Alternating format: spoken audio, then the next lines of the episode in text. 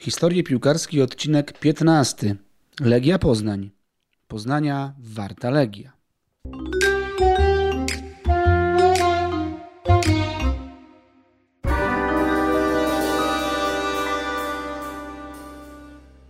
Warte Poznania będą też nasze promocje Black Friday coraz bliżej, a zatem bądźcie czujni i sprawdzajcie naszą stronę skarbymiasta.com. Piłkarskich historii pomaga szukać Hotel Jakubowy w Gdyni. Dziś nazwa Legia kojarzy się niemal wyłącznie z klubem ze stolicy. W międzywojniu jednak Legia, właściwie Legie, były w kilku polskich miastach w Krakowie, Łodzi, Przemyślu, Lwowie czy Wieluniu. Najsilniejsza była jednak ta z Poznania, grająca na Wildzie. Legia Poznań była w międzywojniu drugą powarcie siłą w mieście. Mówi się, że był to prawdziwie poznański klub z serca miasta. W ostatnich latach Lech osiąga gorsze wyniki od rywala z Warszawy. Rzadziej sięga po trofea, zwykle przegrywa w najważniejszych meczach. Jednak bardziej we znaki dała mu się derbowa rywalka, która przed wojną regularnie ogrywała kolejorza.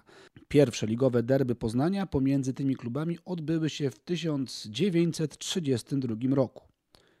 Do przerwy gra na ogół wyrównana, choć pod koniec niebezpieczniej atakuje Legia. Po zmianie stron zwłaszcza po zdobyciu pierwszego punktu, uzyskał go z wolnego Lipiaka, zawinił bramkarz ligi, spisujący się aż do tej pory bardzo dobrze.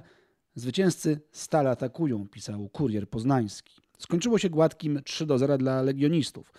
Łącznie zespoły rozegrały ze sobą 15 meczów ligowych, z których ekipa Zdębca wygrała tylko 3. 31 marca 1935 roku Legia ograła ówcześnie liderujące KPW najwyżej aż 6 do 0 i to na jego boisku. Dziennik poznański relacjonował.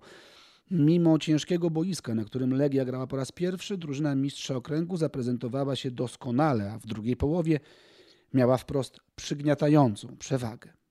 Jako całość Legia była o klasę lepsza od KPW. W Poznaniu chodziło się na Legię. Legia została założona w 1924 roku przez miejskich urzędników. Jej nazwa nie wynika z wojskowej prowiniencji, a została wybrana jako wyraz szacunku i przywiązania do Józefa Piłsudskiego oraz jego legionów. W tamtych czasach zdobywająca medale Mistrzostw Polski Warta była poza sportową konkurencją, ale zielono-biało-czarni byli ambitni i szybko pieli się w górę. Po czterech latach znaleźli się w A-klasie, czyli rozgrywkach wojewódzkich, których zwycięzcy walczyli o promocję na najwyższy poziom. Ścisły związek z miastem i lokalna siła niewątpliwie napędzały zainteresowanie grą drużyny, której mecze na stadionie miejskim na Dolnej Wildzie oglądało z reguły około 10 tysięcy widzów. Trzon zespołu stanowili miejsce rajcy, a o ich klasie niech świadczą liczne powołania do reprezentacji Poznania – w której grali wraz z największymi gwiazdami Warty. Za najlepszych legionistów uchodzili bramkarz Ewaryst Widermański, obrońca Michał Dusik, mistrz Polski z Wartą w 1947 roku i bracia Edmund i Stefan Kwintkiewiczowie, pomocnik Antoni Skowroński, wychowanek Ligi Dębiec, a potem też piłkarz KKS i wieloletni działacz klubu. Także napastnicy Roman Mazgaj, który został czołowym strzelcem ekstraklasowej warszawianki, Franciszek Gensler, Wincenty Mikołajewski i Bernstein. Siłą drużyny był jednak wyrównany kolektyw. Legia słynęła przy tym ze wzorowej pracy z młodzieżą, czego bardzo pilnowali wieloletni prezes klubu Jan Patoka i działacze sekcji piłki nożnej, jak chociażby Jan Głowacz. Legia w Wielkopolskiej Lidze Okręgowej właściwie nie miała sobie równych. Wygrała ją 10 razy. Jedynie dwukrotnie dała się wyprzedzić HCP, klubowi zakładów Hipolita Cegielskiego. Dopiero w końcówce lat 30. do rywalizacji dołączyło KPW, czyli dzisiejszy Lech. W ostatnim przedwojennym sezonie KPW mogło pochwalić się znakomitym bilansem. 10 zwycięstw, jeden remis i jedna porażka, ale na swoje nieszczęście jedyne straty punktów zanotowali w meczach z Legią. W październiku 1938 roku legioniści wygrali u siebie 4 do 2.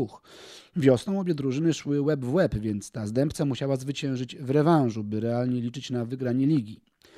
23 kwietnia 1939 roku gospodarze prowadzili już 2 do 0, ale legioniści nie zamierzali odpuszczać.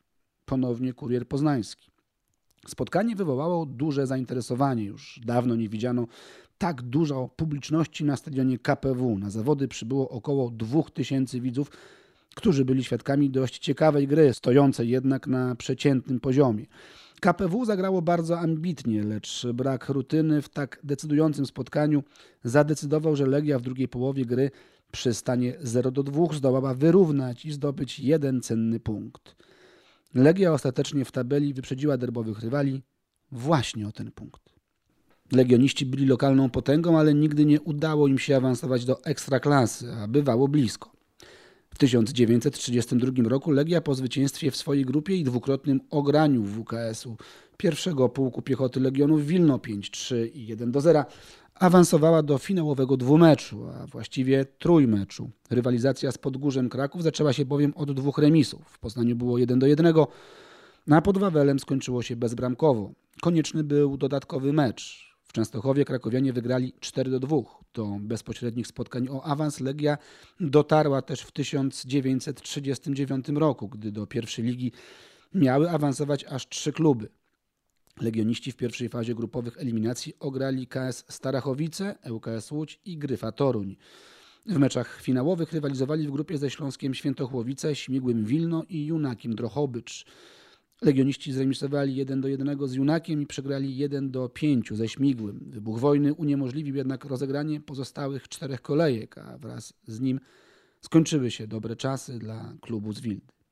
Po zakończeniu wojny Legia szybko zniknęła z piłkarskiej sceny. Był to efekt sytuacji politycznej. W Polsce zmieniał się ustrój i władza ludowa promowała kluby resortowe, jak chociażby milicyjna Olimpia. Warta i Legia wywodziły się ze środowisk niemile widzianych w nowo powstającym państwie.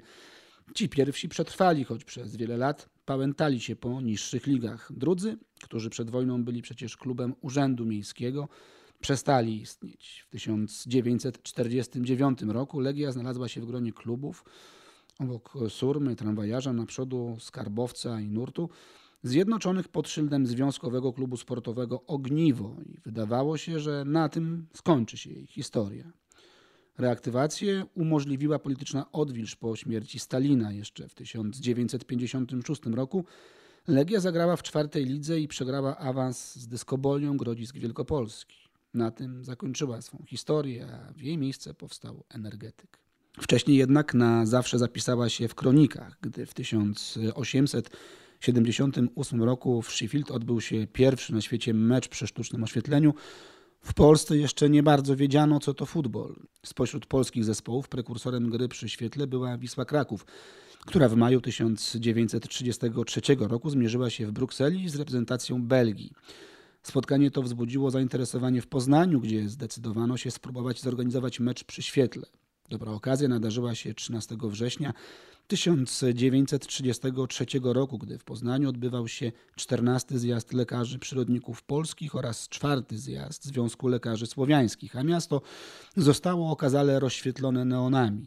Kulminacją tych wydarzeń miał być pokaz wychowania fizycznego zorganizowany na stadionie miejskim w obecności prezydenta Ignacego Mościckiego. Wyjątkowość widowiska polegała na oświetleniu go reflektorami. Organizatorzy zdecydowali się włączyć do programu towarzyski mecz piłkarski najlepszych drużyn w mieście, Warty i Legii Poznań. Pierwsze w Polsce spotkanie przy sztucznym oświetleniu zaczęło się o 19.00 w obecności 3000 widzów. Nieoczekiwanie wygrała Legia 3 do 1. Przegląd sportowy donosił. Mecz sam był dość ciekawy, zwłaszcza w pierwszej połowie, w której gra była interesująca, przy czym lepsza była Legia, tak pod względem taktycznym, jak i bojowym. A taki grał więcej zwarcie, strzelał celnie i dużo. Taka to była Legia. Poznania warty klub. Tekst Jakuba Majewskiego czytał Adam Drygalski.